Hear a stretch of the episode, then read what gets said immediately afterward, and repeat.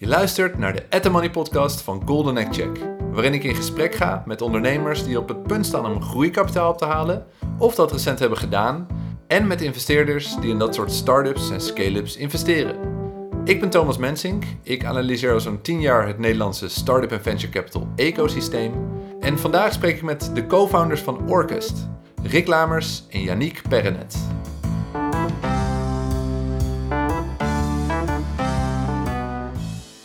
Orkest ontwikkelt een open source tool voor data scientists. Rick en Yannick zijn met hun studie gestopt om zich volledig te kunnen richten op hun start-up. Eerder dit jaar hadden zij een eerste investering op van een aantal Silicon Valley investeerders.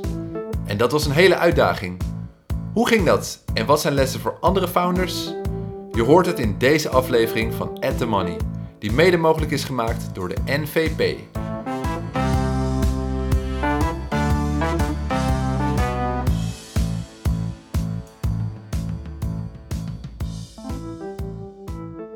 Goed, nou, mijn naam is Rick Lamers. Ik ben de CEO en medeoprichter van Orcus Software. Ik heb computer science gestudeerd aan de TU Delft. Daarvoor heb ik een eh, managementstudie gedaan aan de RSM, Erasmus Universiteit. En sinds eigenlijk bijna een jaar nu zou ik zeggen, zijn wij fulltime bezig met Orcust, software voor data scientists. En um, ik zit hier met Yannick. Ja, mijn naam is uh, Yannick. Ik heb uh, niet een MBA van tevoren gedaan. Ik heb zelfs nog mijn master nog niet afgerond. Ik uh, was begonnen met een bachelor wiskunde, technische wiskunde aan de TU in Delft. En daarna begonnen ook met een master wiskunde. Daarnaast heb ik computer science vakken gevolgd. En dat is ook eigenlijk waar, we, waar ik Rick heb ontmoet. Het is onderhand al, het zal zijn drie jaar geleden denk ik. En sindsdien hebben we eigenlijk altijd contact gehouden. En Rick heeft uiteindelijk een specialisatie in de master gedaan voor machine learning, data science. En dat heb ik niet gedaan in de, in de master, maar in, aan de hand van uh, stages en werk. Oké, oké. Want ik dacht, ik dacht eigenlijk dat jullie allebei college dropouts waren. Dat maakt natuurlijk het verhaal ook wat uh, romantischer. Maar klopt dat dus, Rick, voor jou ook? Of, uh... dat, klopt. dat klopt wel nog steeds. Want toen ik begon aan de Master Computer Science aan de TU Delft, toen heb ik eigenlijk pas tijdens het laatste jaar van de master besloten dat ik een start-up wilde beginnen. En ook gekozen om niet te wachten met eerst afstuderen. Dus uiteindelijk heb ik toch net niet het papiertje bij Delft gehaald. Omdat ik dacht, dit is wel juist het juiste moment om uh, het bedrijf te starten. Ook gegeven de, de context waarin het gebeurde, waar we vast straks nog meer over uh, zullen hebben. Ja, ik, ik ben inderdaad wel benieuwd waarom jullie besloten van oké, ik, ik kap met de studie. Maar laten we dat heel even parkeren, want ik ben eerst benieuwd uh, wat Orcus precies is. Want ik zag natuurlijk staan, het is een open source tool voor, voor data-analysten. Um, ik vond het nog wel moeilijk te begrijpen, dus misschien kunnen jullie even uitleggen uh, wat jullie precies doen met Orkust en, en wiens probleem dat oplost bijvoorbeeld. Ja, tuurlijk. Dus uh, Orkust is software voor data scientists of data analysten zoals je dat noemt. Um, het doel is eigenlijk dat de software het werk vereenvoudigt van de data scientist. Dus waar ze nu vaak te kampen mee krijgen is veel complexiteit, omdat ze te maken hebben met grote datasets. En ze willen vaak hun modellen trainen of hun analyses doen um, op grote hoeveelheden data, waardoor ze heel veel compute nodig hebben. Heel veel, heel veel computers die tegelijk doorrekenen wat ze proberen te uh, uh, berekenen. En dat vereist van die data scientists eigenlijk dat ze een software engineer zijn. Dus niet alleen data begrijpen, statistiek kunnen, maar ook dat ze echt heel goed snappen wat is een Linux kernel, wat, hoe kun je een, een, een, probleem opschalen over meerdere compute nodes. Echt een beetje de, de echt onderliggende technische vaardigheden die dan in één keer naar voren komen. En als data scientist heb je al behoorlijk wat verschillende balletjes in de lucht houden. Want je hebt te maken met het bedrijf, de, de domeinkennis van waar komt deze data vandaan en wat voor betekenis heeft deze data. Dan heb je ook nog het hele wiskundig modelleren kant uh, van het verhaal. Dus uh, hoe kan ik een abstracte wiskundige beschrijving vinden die deze data op een nuttige manier soort van kan toe-eigenen. En daarnaast krijg je dan ook nog dat probleem nu mee van echt het engineering gedeelte. Dus dan tegenwoordig gebeurt dat allemaal in cloud-omgevingen die dan beschikbaar worden gesteld door zoiets als Azure of uh, eh, AWS, GCP, de, de grote cloud providers. Mm -hmm. uh, maar die bieden vaak heel erg low-level uh, oplossingen aan, die data scientists. Dus je moet alles zelf een beetje bij elkaar brengen. En dat doen ze vaak uh, niet met veel liefde. Dus dat vinden ze vervelend om te doen. Want ze willen eigenlijk bezig zijn met dat uh, data begrijpen en modellen maken. Ja, dat is maar ze zijn het, toch heel veel tijd Het, het kutste stukje van hun werk, zeg maar. Dat ze dat moeten, ja, moeten ja, doen. Ja. Ja. En ze zijn er vaak, en dat is een beetje onerbiedig misschien te zeggen, maar ook niet zo goed in. Dus wat we dan heel erg uh, vaak tegenkomen binnen bedrijven met data scientists, is echt heel erg gekunstelde oplossingen die ja, geen principes die algemeen gebruikt worden binnen software engineering gebruiken, omdat ze daar simpelweg ook niet de kennis en opleiding voor hebben. Dus wij denken, nou, wat is dan een goed antwoord? Uh, tools die dat werkdeel van hun overneemt. En dat is wat Orcus software is. Oké. En, en Yannick, uh, Rick kwam bij jou met dat idee, denk ik. Dat, dat neem ik even aan. Maar was jij uh, meteen enthousiast omdat je zelf die pijn kent? Of, of hoe ging dat precies? Ja, dus er zit wel nog iets meer context vooraf eigenlijk. we kunnen inderdaad beginnen van bij, bij het idee. Dus ik had zelf destijds een, best wel een tijdje een stage gelopen. Volgens mij was ik onderhand al een jaar bezig. Dat was als data scientist. Dus uh, op het moment dat uh, Rick met dat soort pijnpunten, of het idee was destijds nog niet helemaal gevormd, maar we waren gewoon aan het praten over data science en dingetjes die bijvoorbeeld op, um, bij bepaalde bedrijven niet helemaal lekker lopen. Iets waar wij dus inderdaad met een tool winst uit zouden kunnen halen. Dus we waren eigenlijk alleen het probleem nog aan het schetsen en dus toch meer context te geven. Um, Rick die was, volgens mij was dat vorig jaar in september als ik het goed zeg. Ja. Uh, was hij zelf al een jaar, was, was hij een maand naar uh, de US geweest, ook naar Silicon Valley. Hij had een project online gezet, dat heet Grid Studio. En dat was heel populair geworden, dus binnen een maand iets van 5000 GitHub stars. Dus vandaar dat er verschillende VC's uit de Bay Area, die dus de, de GitHub stars trekken, ja. die hebben toen mailtjes gestuurd, cold approach, van nee, wil je niet, wil je niet praten over het idee van, van Grid Studio?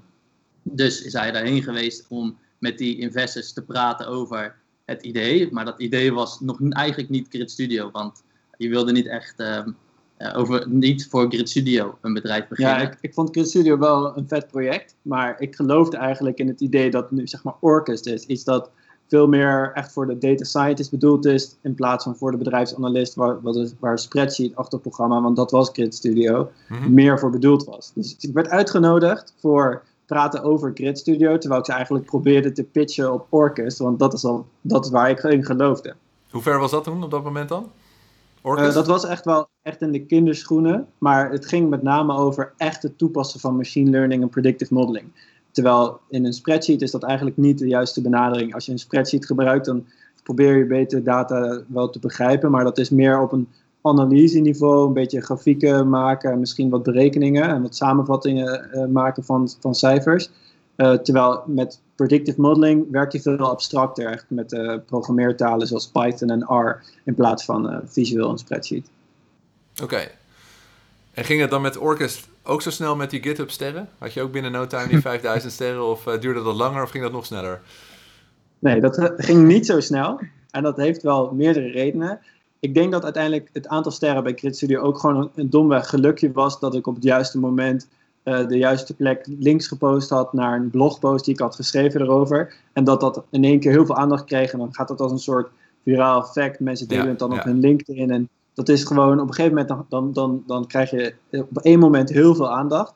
Um, met Orcus zijn we eigenlijk niet begonnen met uh, aandacht zoeken. We zijn eigenlijk gewoon echt product gaan ontwikkelen op basis van interviews die we hebben gedaan met heel veel data scientists. We hebben echt 50 data scientists gewoon geïnterviewd en echt daarna het product gaan ontwikkelen. En pas nu eigenlijk, uh, ik denk sinds deze maand, sinds augustus, zijn we voor het eerst naar buiten aan het treden om mensen te vertellen over wat ze aan het doen zijn. Dus dat staat nog heel erg in de kinderschoenen. En dat is ook zeker nog niet zo populair als dat Kid Studio uh, op dit moment uh, is online. Ja, en ik denk ook wat daarbij komt is dat inherent zijn Grid Studio, of het probleem dat Grid Studio oplost, is een wat makkelijker probleem dan wat wij nu oplossen. Dus Orcus is een stuk complexer en daarom verwachten we ook, doelgroep, ja. ja. daarom verwachten we ook dat het iets anders, dat het niet zo snel zal gaan. Dus dat er iets meer uh, werk voor nodig is. Oké. Okay. Um, uiteindelijk kwam het moment dat jullie besloten met Orcus van oké, dit gaat, we zien er goed, uh, hoe zeg je dat, we zien er hel in. Het gaat goed genoeg of, of we merken echt dat dit een probleem is op basis van die interviews. Toen hebben jullie dus besloten om te kappen met, met je studie. Hoe makkelijk was die beslissing? Ik vond dat best moeilijk, om eerlijk te zijn. Want ik ben niet iemand die gestopt is met de studie omdat hij het niet leuk vindt of niet zeker wist of hij wel verder wil op dit gebied. Ik wilde namelijk super graag afstuderen. Ik had echt een mega vet onderzoeksproject in de onderzoeksgroep Pattern Recognition met een hele goede professor, David Tax en Marco Loog. ik was helemaal geobsedeerd door alle academische papers. Ik vond het echt super fascinerend. Ik stond super goed qua cijfers, kon het makkelijk afmaken. Maar ik dacht, ik heb een opportunity nu om een start-up te beginnen. Uh, met een open source software project waarvan ik denk dat ik veel meer impact kan maken dan nu een onderzoek proberen te doen. Voor mij was het lastig omdat ik het heel graag wilde afmaken, maar het was meer dat het alternatief nog aantrekkelijker was. Ja, voor mij was het, uh, is het eigenlijk iets anders. Ik was, ik vond sowieso mijn studie, ik weet sowieso dat ik de goede studie heb gekozen en ik vond het hartstikke leuk om te doen. Maar ik was eigenlijk in de bachelor best wel vroeg, had ik wel door van, ik snap het nu wel, als ik leer kan ik het prima halen. Maar ik was eigenlijk heel lang al op zoek om er iets naast te doen. Dus ik deed uh, zelf een beetje freelance projecten met programmeren. Was, vandaar dat ik ook computer science daarna, nog daarnaast een beetje had gedaan. Ik was gewoon heel erg naar iets anders op zoek wat ik daarnaast kon doen, wat wat meer de praktijk opzocht. Want ja, wiskunde is gewoon hartstikke abstract en je zit alleen maar in de boeken. Ja, ja. Dus uh, ja, tijdens de master was ik ook op zoek en nou, ik denk, wat ga ik nu doen? Toen kwam dit op mijn pad, dus voor mij was het al... Er was praktisch nog niks, maar ik wilde al kappen. voor mij was het een stuk makkelijker. Er was weinig voor nodig om jou uh, ja, over de streep te trekken. Oké. En, en zijn jullie nog met z'n tweeën dan? Of, of hebben jullie het team al verder uitgebreid? Uh, uitgebreid? We hebben wel een tijdje een intern gehad, maar we merkten dat dat uiteindelijk niet goed werkte door timezone uh, verschillen. Uh, we zijn nu heel actief aan het hiren, maar op dit moment zijn we nog wel met z'n tweeën. We merken gewoon dat het heel lastig is om uh, goede mensen, die zijn natuurlijk super schaars en gezocht en allerlei bedrijven willen die mensen. En vaak zitten goede mensen ook al op hele interessante, leuke plekken. Dus het is gewoon heel lastig om ingenieurs te vinden die maar echt aan de software kunnen, kunnen, kan meewerken, die heel diep zeg maar, de technologie begrijpen. Um, dus ja, we zijn op zoek naar mensen, maar we zijn nog met z'n tweeën. Maar tegelijkertijd, jullie hebben open source software, toch? Dus in principe zou een hele community mee kunnen helpen om jullie producten beter te maken. Is dat iets wat al gebeurt? Klopt. Dus uh, voor open source contributions of uh, mensen die aan de open source community meewerken, heb je eerst visibility en exposure nodig. Dus omdat we daar nog niet aan hebben gewerkt, hebben we eerst het MVP als het ware ontwikkeld in samenspraak met die, met die early adopter data scientist met wie we gesproken hebben. En om die reden hebben we nu nog niet een open source community. Dat is wel een long-term uh, long goal. Dus het is wel de bedoeling dat we steeds meer mensen uit de open source community maar, aanmoedigen en uitnodigen en helpen om mee te werken aan het project. Maar je ziet toch dat dat in de realiteit pas opkomt nadat je langer bestaat, wat populariteit hebt gekregen. Het begint eigenlijk altijd bij een team of een groep mensen die dat uit eigen beweging doen. En later komen er pas mensen bij vanuit overal in de wereld. Ik, ik, was even benieuwd, want jullie kwamen eigenlijk op mijn pad omdat ik uh, werd gewezen door, door Olivier Binkhorst op uh, het artikel dat jullie geld hebben opgehaald in Silicon Valley.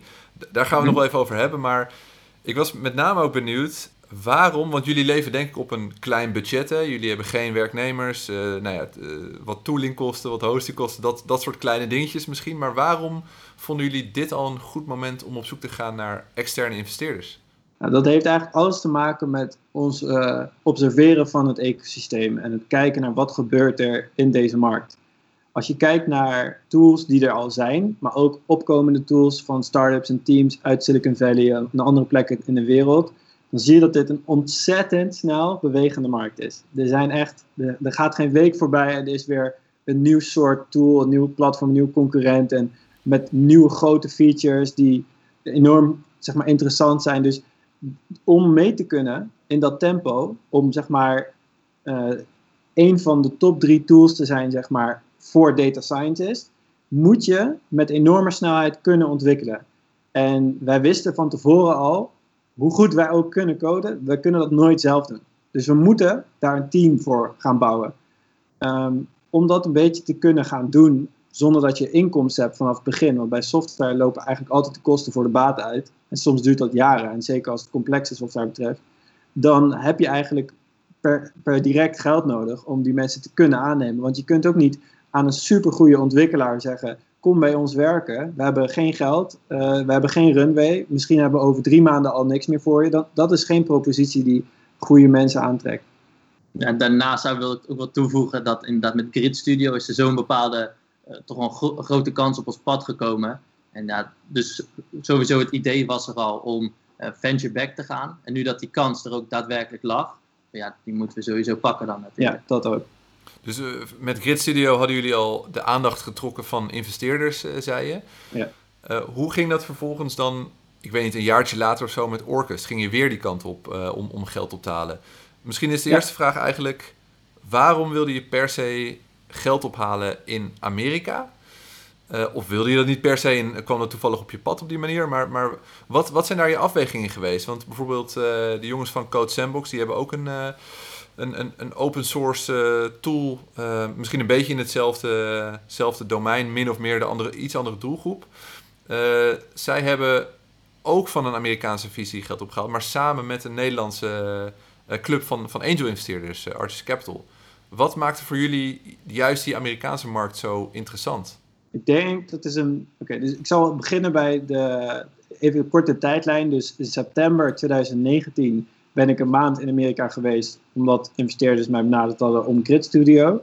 Toen ben ik teruggekomen, heb ik mijn ideeën soort van ontwikkeld op het, op, over Orkest. En heb ik besloten samen met Unique, zeg maar, daaraan te gaan werken. En toen zijn we in januari naar Amerika gegaan om daar uh, een pre-seed ronde op te halen.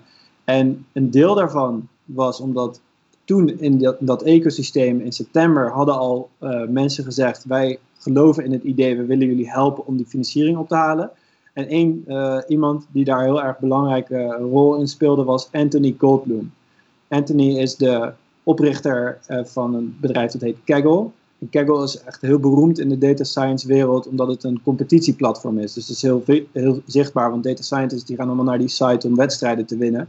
Soms met prijzen tot een miljoen dollar. Dus het is een heel erg soort fenomeen binnen die community. En er wordt ook heel veel soort van nieuwe tooling en software ontwikkeld en gedeeld binnen die community. Dus die, hij wist heel veel over die markt en hij vond ons idee tof en hij wilde ons graag helpen. Dat was één factor.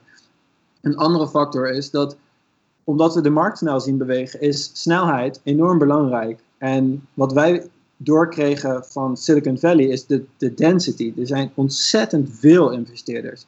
In Nederland zitten ook goede investeerders, maar die zijn, ehm, dat, dat, zijn in aantallen partijen die zeg maar de, de, tegen de voorwaarden willen financieren en interesse hebben in een bepaald risicoprofiel. We zijn super, super early stage. We hebben nog geen revenue, niet eens traction. Dus hoeveel investeerders in Nederland hebben dan interesse in dat soort investeringen?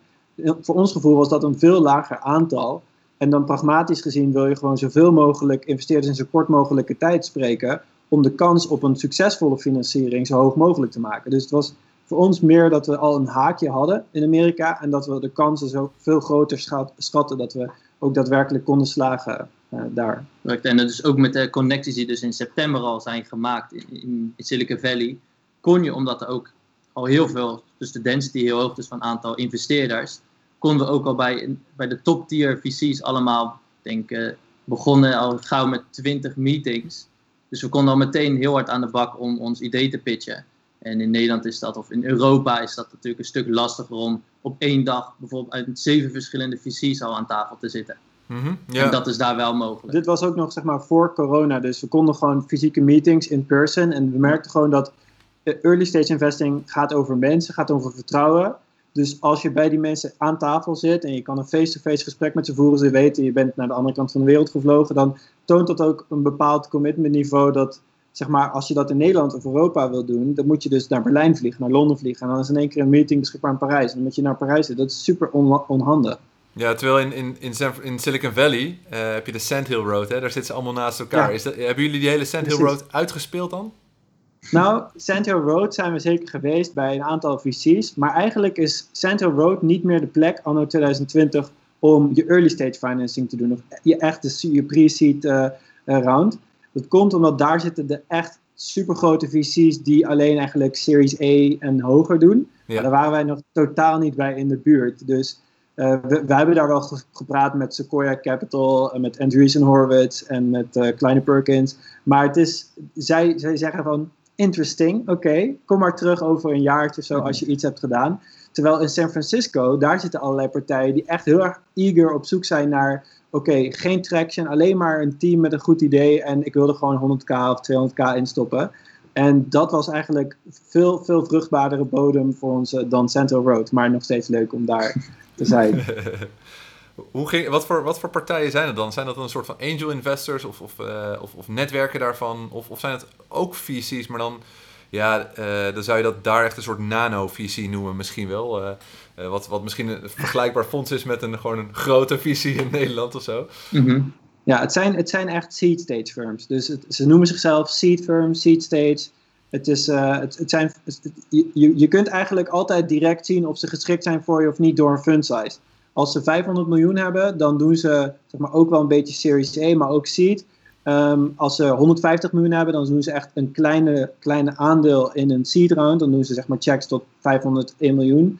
Want je weet gewoon, ze willen ongeveer 200 investments doen met een fund. Dus dan kan je gewoon fund size delen door 200 is average ticket size. Dus dat was een beetje het type partijen dat daar, dat daar zat. En, en sommige ook heel erg gefocust. We hebben bijvoorbeeld een investor die echt specifiek op, op AI en machine learning enabled startups zitten. Ze hebben een fund van 160 miljoen. Dus ook echt super, echt heel duidelijk de focus op uh, de, de, de hele vroege fase, maar ook het toepassingsgebied waar wij in zaten.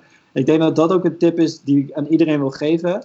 Uh, het lijkt, omdat er zoveel VC's zijn, denk je van, oh, ik kan gewoon bij alle VC's proberen. Maar het heeft echt heel veel zin om echt te profileren en te kijken wat voor soort investments doen zij. Want ze zijn wel heel gefocust. Sommige firms zeggen, ja, wij doen Series A en up. Dan kunnen we wel praten, maar dat heeft echt geen zin. Terwijl, ja, ze hebben wel heel veel geld en zo. En ze investeren ook allemaal in softwarebedrijven, maar toch ben je dan geen fit. Ja, dat wil ik nog een keer benadrukken, want dat was voor ons wel echt een uh, proces eigenlijk. Want we hebben ons natuurlijk ingelezen voordat we daar naartoe gingen. Maar het was ons vanaf het begin nog niet heel duidelijk van met welke partijen moeten we nu, nu echt aan tafel gaan zitten. Hoe kunnen we nu echt slagen? Dus we begonnen inderdaad ook met wat grotere partijen. Maar uiteindelijk hebben we dus inderdaad geleerd, we moeten wat meer letten op de wat kleinere uh, funds. Want met die grote, ja, die, die zoeken gewoon niet een investering op dit moment.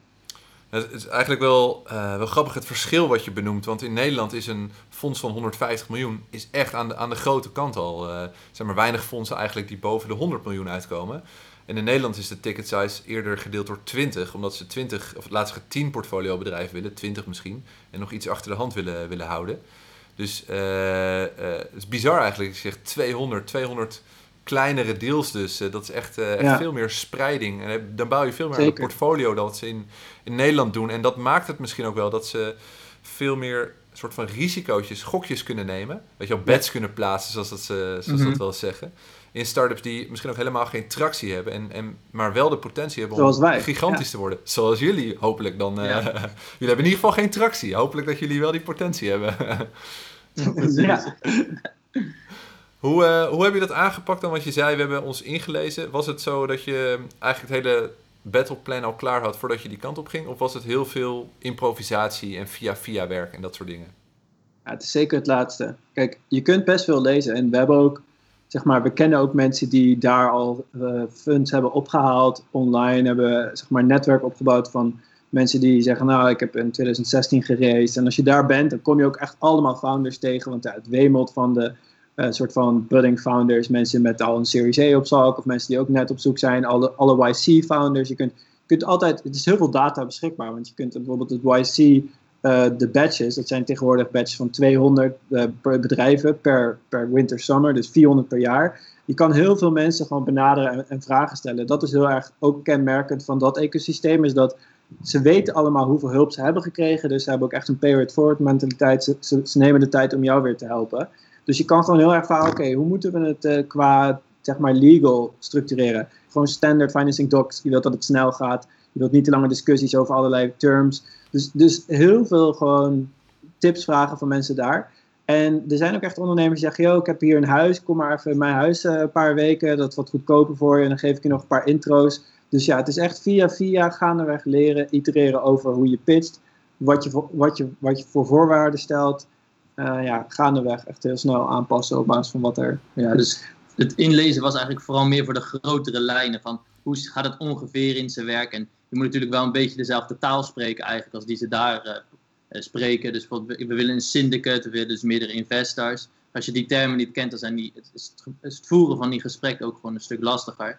Maar sowieso het allerbelangrijkste voor ons was wel dat terwijl we daar waren, dat we goed luisteren naar wat iedereen te zeggen heeft. En achteraf nog eens een keer goed nadenken van wat hebben we nu precies geleerd van dit gesprek? Moeten we misschien ons pitch deck aanpassen? Moeten we misschien dingetjes anders gaan vertellen?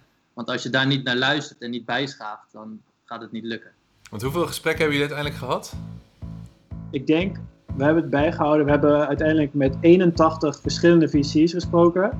En we hebben, ik denk, wel meer dan 100 meetings gehad, waarvan ongeveer 60 in person. Ja, dat klopt. En, zie, je dan, zie je dan inderdaad dat, dat, eh, dat jullie deck en jullie pitch enorm is veranderd in die hele periode? Is het, is het eigenlijk Vooral in het begin. springen de tranen in je ogen als je naar je eerste deck kijkt? Absoluut. Zeker, zeker.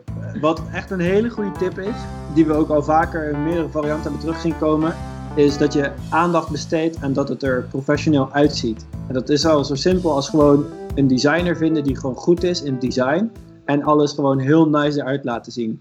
Het, het, het is gewoon een, een signaling eh, spel. Dat hele, vooral in die super, vroege fase. Ze hebben geen data om naar te kijken. Je hebt geen revenue, geen traction. Dus het gaat echt puur over hoe kom je over. En eh, we hebben toen eh, samen met een freelance designer het deck aangepast. En dat zag er gewoon veel beter uit. En dan, dan komt het verhaal gewoon beter uit de verf, terwijl je inhoudelijk precies hetzelfde zegt. En dat komt gewoon omdat de communicatie, als je waarschijnlijk zelf ook weet, gaat eigenlijk helemaal niet zozeer over precies wat je zegt, maar ook vooral om hoe je het zegt. Maar ik denk dat wel met dat feit dat het er zo goed uit moet zien was voor ons, vooral, vooral in onze fase belangrijk, zou ik Ja. zeggen. Omdat wij simpelweg die data niet hadden. En we konden die tractie, die tractie niet laten zien. Of eh, potentieel dat er al mensen het product gebruiken dat we al hebben betaald. En als je die substantie mist, ja, dan moet je gewoon met iets anders aankomen zetten. Ja, precies. Je, hebt dat, dat, je zei al signa- signaling en je hebt natuurlijk ook dat social proof. Hè, dat andere mensen zeggen van hey, dit is echt interessant of, of die doen een warme introductie voor je. Je noemde al die, eh, die kerel van, van eh, Kaggle. Hoe zijn jullie uiteindelijk bij de investeerders terechtgekomen die eh, in jullie hebben geïnvesteerd? Wat, wat, voor investeerders waren dat ook? En, en kun je wat meer vertellen over hoe die, hoe die deal tot stand is gekomen uiteindelijk? Nou, ik denk dat eh, warme intro's is echt het sleutelwoord hier. Want het is gewoon heel lastig voor investeerders om zeg maar, koude acquisitie zeg maar, een beetje fatsoenlijk te filteren. Ehm, er is zoiets als, eh, dat is altijd, als je iemand aanbeveelt aan een ander, je wilt niet, you, you don't want to make a fool out of yourself. Dus je gaat nooit een slechte deal, een slecht team, een slechte propositie aandragen. En zeker als je heel erg succesvol bent, dus founders die eh, al reputatie hebben opgebouwd, die zijn extra voorzichtig met recommendations. Die, dat doen ze niet zomaar. Dus als iemand als Anthony Goldblum jou een mail stuurt van hey, I met these guys, I think they're working on something super interesting, I think you should talk to them.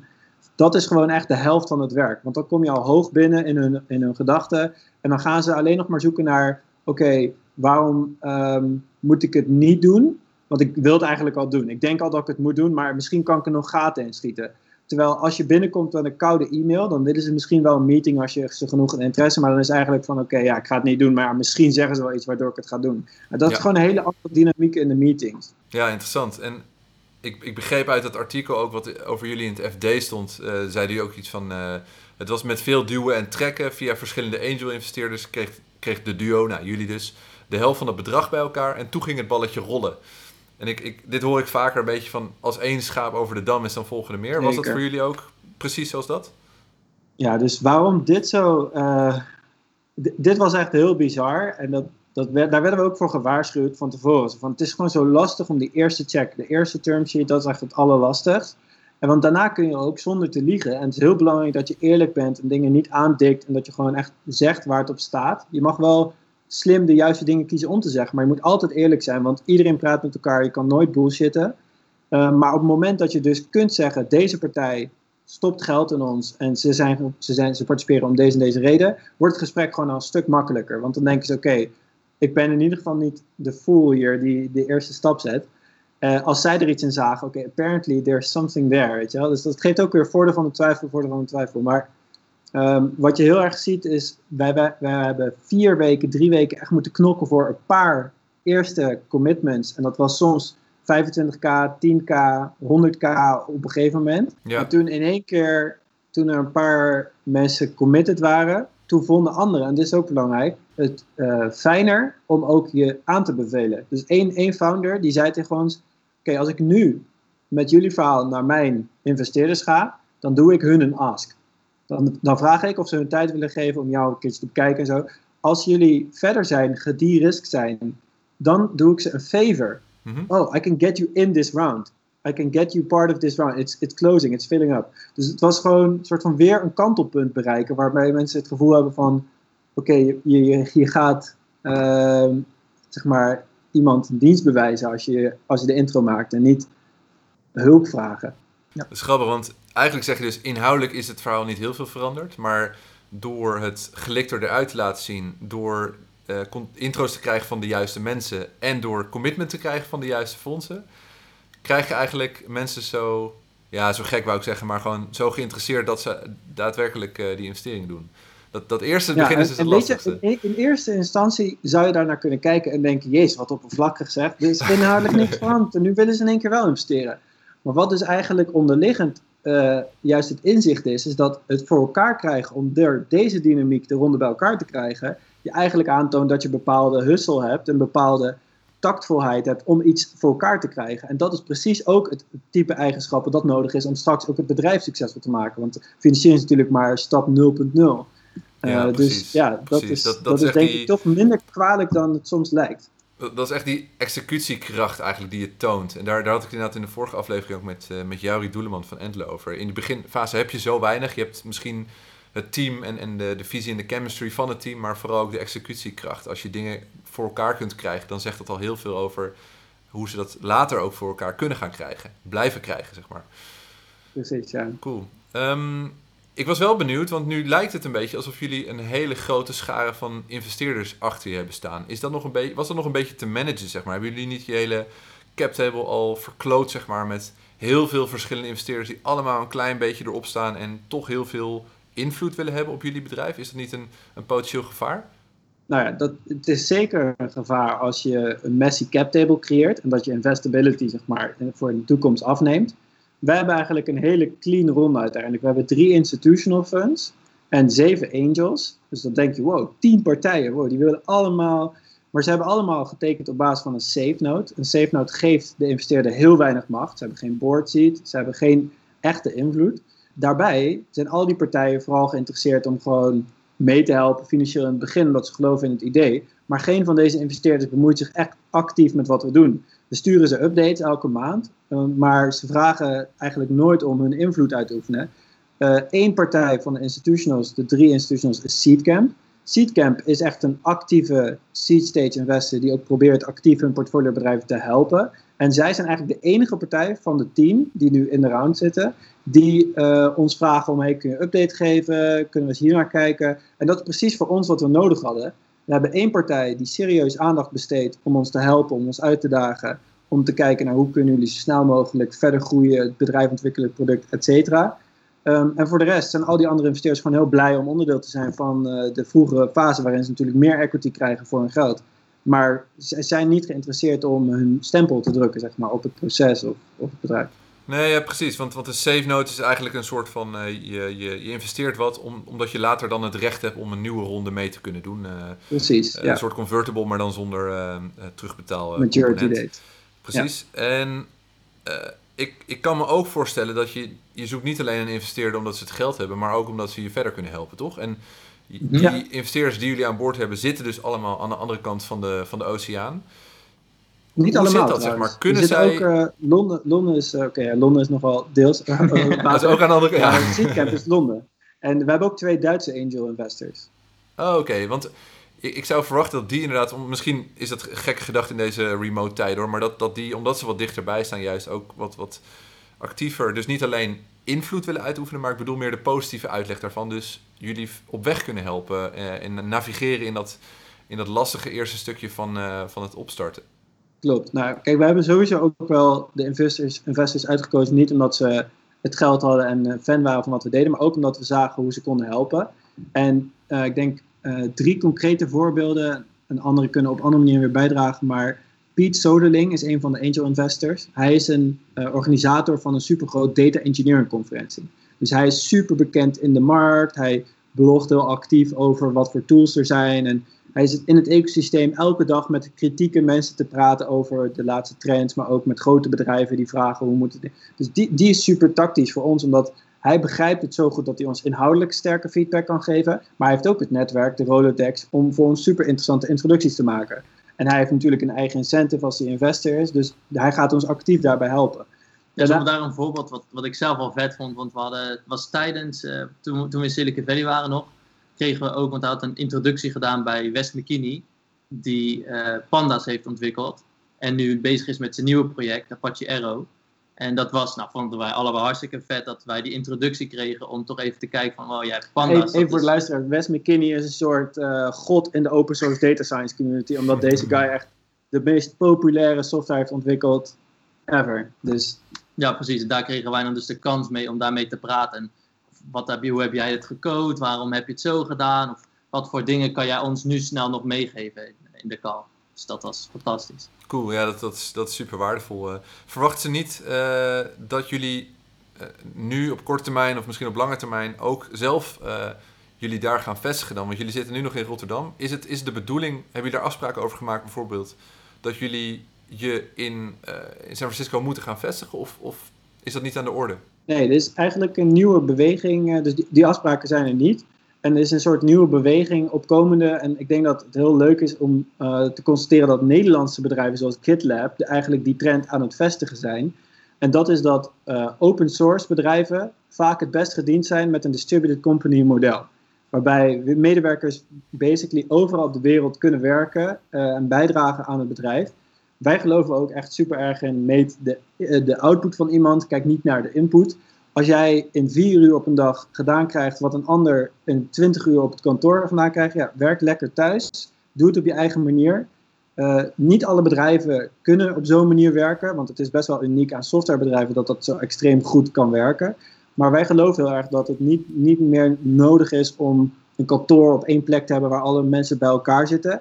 De kanttekening daarbij is dat we wel geloven dat in die hele vroege fase waarin er superveel onduidelijkheid is over welke richting gaan we precies op, wat gaan we prioriteren, wat is onze positie in de markt nou precies, en waar je heel veel discussie voert, dat dan uh, dat soort communicatie kan het beste wel in soort van, als je allemaal in dezelfde ruimte zit.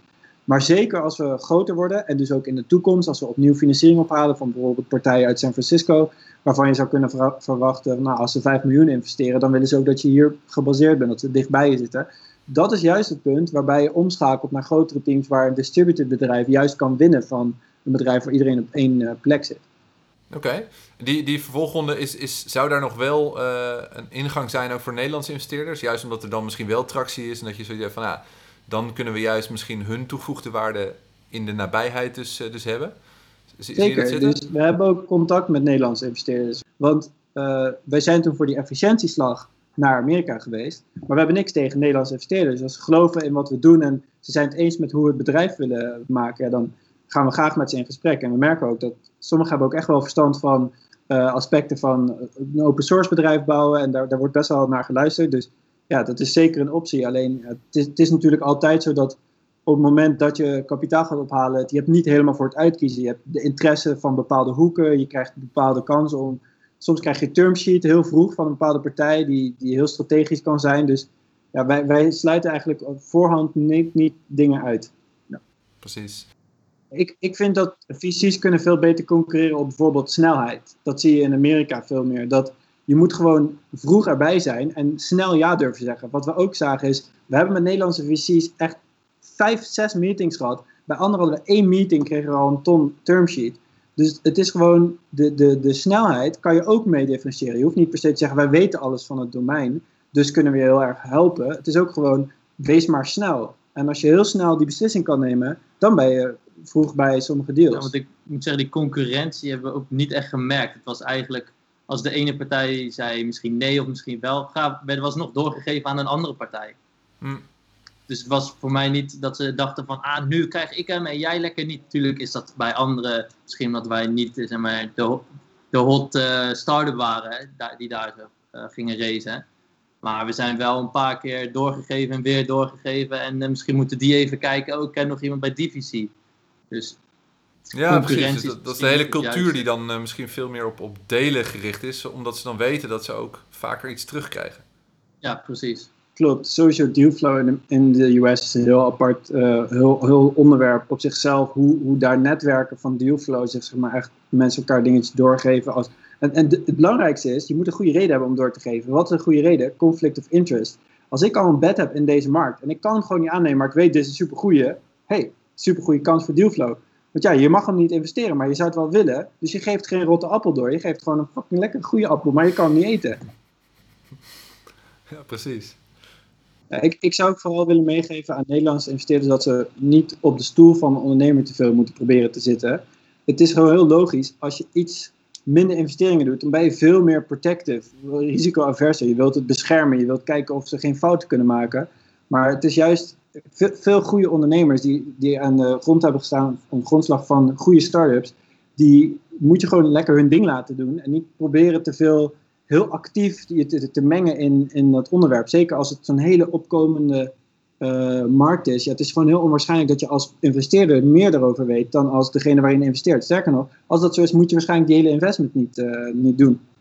Ja, ja, precies. Ik geloof er ook wel in. Ik zie wel dat veel visies hetzelfde model kiezen eigenlijk. En dat, dat heeft ook een beetje te maken met dat, dat het visiemodel heel lastig schaalbaar is. Dus ze doen ook maar 10 uh, tien investeringen of zo. Dat, dat is dan hun portfolio size. En die willen ze allemaal heel hands-on helpen. Nou, dat, dat is, dat, mhm. daar is wat voor te zeggen. Maar er is denk ik ook wat voor te zeggen om juist een hele grote portfolio aan te, aan te leggen.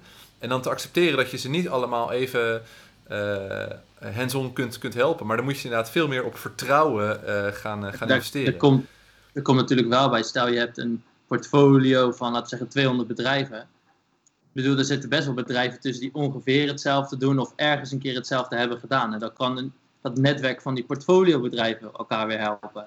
Dat is natuurlijk ook weer super waardevol. Veel meer community heb je dan Dus dat is iets. Ja, waar je het meest aan hebt als founders, is andere founders. Zeker. Die, die kunnen, want die zitten veel, veel meer echt in de klei met dezelfde struggles die jij hebt gehad. En vaak precies één jaar eerder. En alles verandert. Dus wat nu, wat actueel advies is voor één jaar geleden, kan je nog gebruiken. Maar wat een VC tien jaar geleden in 2000 met zijn eigen bedrijf gedaan, dat is totaal niet meer bruikbaar. Dus het gaat ook om de, de actuele inzichten. En juist dat soort kruisbestuiving is tussen portfoliobedrijven heel makkelijk. Ja, ja precies. Ja. Ja, dat is echt interessant. Hè? Want ik denk dat er maar weinig op dat spoor zitten, zeg maar. Zeker in Nederland dan. Dat, dat zie ik nog, mm nog amper. Ook de grote ja, het is, het is misschien een beetje een, vorm van de-risking met, met, met, met betrokkenheid. Die soms misschien wel productief, maar ik denk vaak ook niet productief is. Ja, ja, maar dat, dat betekent dat, dat je het anders moet gaan aanpakken. Daar heb je het inderdaad over dat pan-Europees wat je zei. Maar dat betekent ook juist de relaties gaan aanboren met andere visies. Zodat je kan co-investeren. In plaats van dat je elke deal... Dus ja, dat je 20 ja, deals in je eentje doet. Dus je mag ook kleinere ticket sizes doen. En dan daarna conviction investments doen als je ziet dat dingen lukken. Ja. Wij horen wel heel vaak in, Nederland het echt conviction verhaal. We willen echt helemaal all in. We doen maar heel weinig deals. Ja. Uh, dat, dat is denk ik lastig om zo'n een goed mhm. VC-portfolio. Maar ik ben ook geen VC-expert, maar dat is een beetje wat we gezien hebben. en wat, wat, hebben jullie ze beloofd? Waar staan jullie over, uh, over, over een jaar of drie of zo? Nou, qua targets hebben we eigenlijk uh, eerst gehad over... wij denken dat het beste voor ons op dit moment is om echt te valideren in de markt. We moeten onze software geven aan data scientists en horen of de ideeën die we hebben ook daadwerkelijk goed resoneren met hun dagelijkse praktijk, hun werk. En om dat te bereiken hebben we gezegd, we gaan nu toewerken naar het open source product, ontwikkelen en in de handen krijgen, dus distributie, aandacht onder die groep data scientists. En dat is eigenlijk het enige doel. Dus we hebben geen winstdoel, we hebben geen omzetdoel, we willen eigenlijk alleen maar users. En dat is heel erg klassiek Silicon Valley, van eerst gewoon users, users, users en het geld komt later wel. En dat is in de praktijk ook gebleken dat dat model goed werkt, omdat iets proberen te monetizen, ergens geld uit proberen te halen dat nog niet af is, dat is gewoon vaak killing the baby with the bathwater. Of ik weet niet precies wat de uitdrukking is, maar dan, dan ga je eigenlijk prematuur proberen ergens waarde uit te halen, terwijl je nog niet eens echt op het punt bent dat je genoeg waarde creëert. Dus dat is nu een expliciet uh, doel, om zoveel mogelijk data scientists er gebruik van te laten maken in de open source uh, manier. Al moet ik wel zeggen dat de tijdlijn die we altijd voor, uh, voorhouden, daar zijn we ook best expliciet over. Dus we hebben gezegd, ons doel is om 10.000 actieve dagelijkse gebruikers te hebben over 12 maanden van het moment van de pre-seed. Dus we zijn wel, het is niet alsof we nu gewoon maar omdat er geen maturity date is, gewoon mogen doen. Uh, want nou, we over drie jaar hebben we een keer traction of zo. Het is, er is wel uh, haast bij geboden, want we zien ook gewoon dat hoe sterker uh, de concurrenten worden, hoe meer de problemen die we juist identificeerden al opgelost zijn, hoe lastiger het is om een belangrijke positie in de markt in te nemen. Ja, nee, dus precies. De, de, de, reden dat jullie geld hebben opgehaald is om die voorsprong te, te krijgen of, of, of, te behouden als jullie die al hebben. Misschien uh, uh, tot slot hoor, want jullie hebben al aardig wat, wat adviezen gedeeld met wat doe je nou als je geld wil ophalen in, in, in Silicon Valley. Zijn er nog Andere tips of, of, lessen die jullie hebben geleerd, die interessant kunnen zijn voor, voor, voor, ja, voor, voor start-ups die misschien bezig zijn met, met zelf open source tooling of, of juist de stap naar Amerika willen maken? Ja, ik wil wel beginnen. Ja. Om, dit is eigenlijk niet specifiek om een bepaalde markt, maar denk wat voor ons wel belangrijk was, is ondanks dat het moeilijk is, om altijd optimistisch te blijven. Want nou, we hadden dus met 80, laten we zeggen 80 meetings gehad. En uiteindelijk hebben we dus tien investeerders daarvan overgehouden. Dus je krijgt gewoon super vaak nee te horen. En dat is heel lastig, omdat je wel het idee staat te verkondigen waar je super erg in gelooft. En heel veel mensen kraken het niet per se af, maar je krijgt wel nee. Nee, dit is niet goed, dit is niet goed genoeg. En vanaf een gegeven moment gaat dat toch wel een beetje spelen, dat je denkt, jeetje, we hebben nu achter elkaar twintig keer nee gehoord. En dan moet je toch proberen optimistisch te blijven. En die volgende meeting, er gewoon weer goed in te gaan en te zeggen van, nou, dit is gewoon een hartstikke goed idee. En we trekken ons niks aan van die andere twintig die hebben gezegd nee. Maar tegelijkertijd moet je ook leren natuurlijk van waarom ze nee hebben gezegd. Dus dat emotioneel gezien is dat, is dat lastig. Dus altijd wel probeer te blijven lachen. Ja. ik, ik wilde eigenlijk precies hetzelfde zeggen, 100% mee eens. Kan er nog wel, ik weet er nog wel eentje, wat een beetje inspeelt op zich wat we ook al verteld hebben. Van dat je moet leren met uh, wat je vertelt in die verschillende meetings. Uh, in het begin was het voor ons we wisten sowieso al dat we naar, terug naar Nederland wilden, na, na het ophalen van de investering. En in het begin was dat iets wat we ook actief vertelden. Dus dan zeiden ze, will you be based here? En zeiden we, no, we will be based in Europe. Dus we gaan terug naar Nederland en we gaan daar alles opbouwen. Terwijl later merkten we, van dit werkt helemaal niet. En zijn we overgegaan naar het verhaal van, wil je hier zitten? Zeggen, nee, we willen remote, want dat werkt beter voor open source. Vandaar... Ja, ik denk dat het, ik zou het samenvatten als benadruk gewoon de sterke punten en je moet gewoon eerlijk zijn over de dingen die minder sterk zijn. Maar je weet heel erg, oh shit, dit is minder sterk, daar, moeten ze, daar gaan ze op zin. En daardoor ga je er misschien extra over praten. Terwijl dat is, geeft juist te veel aandacht en gewicht aan die aspecten die misschien niet positief zijn in hun ogen. Nou, en misschien als laatst nog, het, nog een keer het benadrukken van die uh, warme introducties. Ja. Want ja, zonder die warme dus het netwerk is toch, misschien vervelend ook klinkt, is hartstikke belangrijk warme introducties zijn inderdaad super belangrijk. Want ehm, zonder het netwerk, zonder eerste contacten te kunnen maken, uh, is het heel lastig om in contact te treden met de juiste personen. En zeker omdat wij in het begin nog niet wisten bij wie we moesten zijn. Uh, wij waren ook nog aan het aftasten welke investeerders zijn nou goed voor ons. Is het heel handig als je met mensen in contact kan komen die dat wereldje al kennen, die daar al langer zitten. En daar was Olivier Binkhorst, uh, ook de persoon met wie, hoe jij met ons in contact bent gekomen, uh, super, super waardevol. Want hij hielp ons eigenlijk die eerste hele vroege fase dat we net pas bedacht hebben, we willen kijken of we het in Amerika kunnen doen, heeft hij ons helemaal eigenlijk bij de hand genomen en uitgelegd waar moeten we over nadenken, wat zijn de do's en don'ts en echt een soort van allerlei eh, beginnersfouten te voorkomen. En hij heeft ook een heel uitgebreid netwerk waar we dan uh, op het juiste moment de juiste introductie kregen om op dat moment, bijvoorbeeld als wij een beetje een dipje hadden in de snelheid, dan wist hij weer precies iemand die op dat moment de juiste partij was om wat feedback van te krijgen, maar ook echt investeerde. Dus een van zijn introducties heeft ook direct geleid tot, uh, tot een uh, vroege investering. Dus zonder de hulp van mensen die echt graag zeg maar, Nederlandse ondernemers zien slagen daar. En het is, het is niet alleen Olle, het is ook een breder netwerk dat hij daar heeft uitgebouwd. Bijvoorbeeld Midas Kwant is een jongen die aan Stanford heeft gestudeerd. En uh, die ook weer ons uh, graag wilde helpen, maar we vonden hem door Olle. Dus ja, het is, het is ook echt te leunen op de bestaande mensen die daar zitten. En gewoon heel graag willen helpen bij het slagen met die, met die eerste, eerste stappen die je dan zet.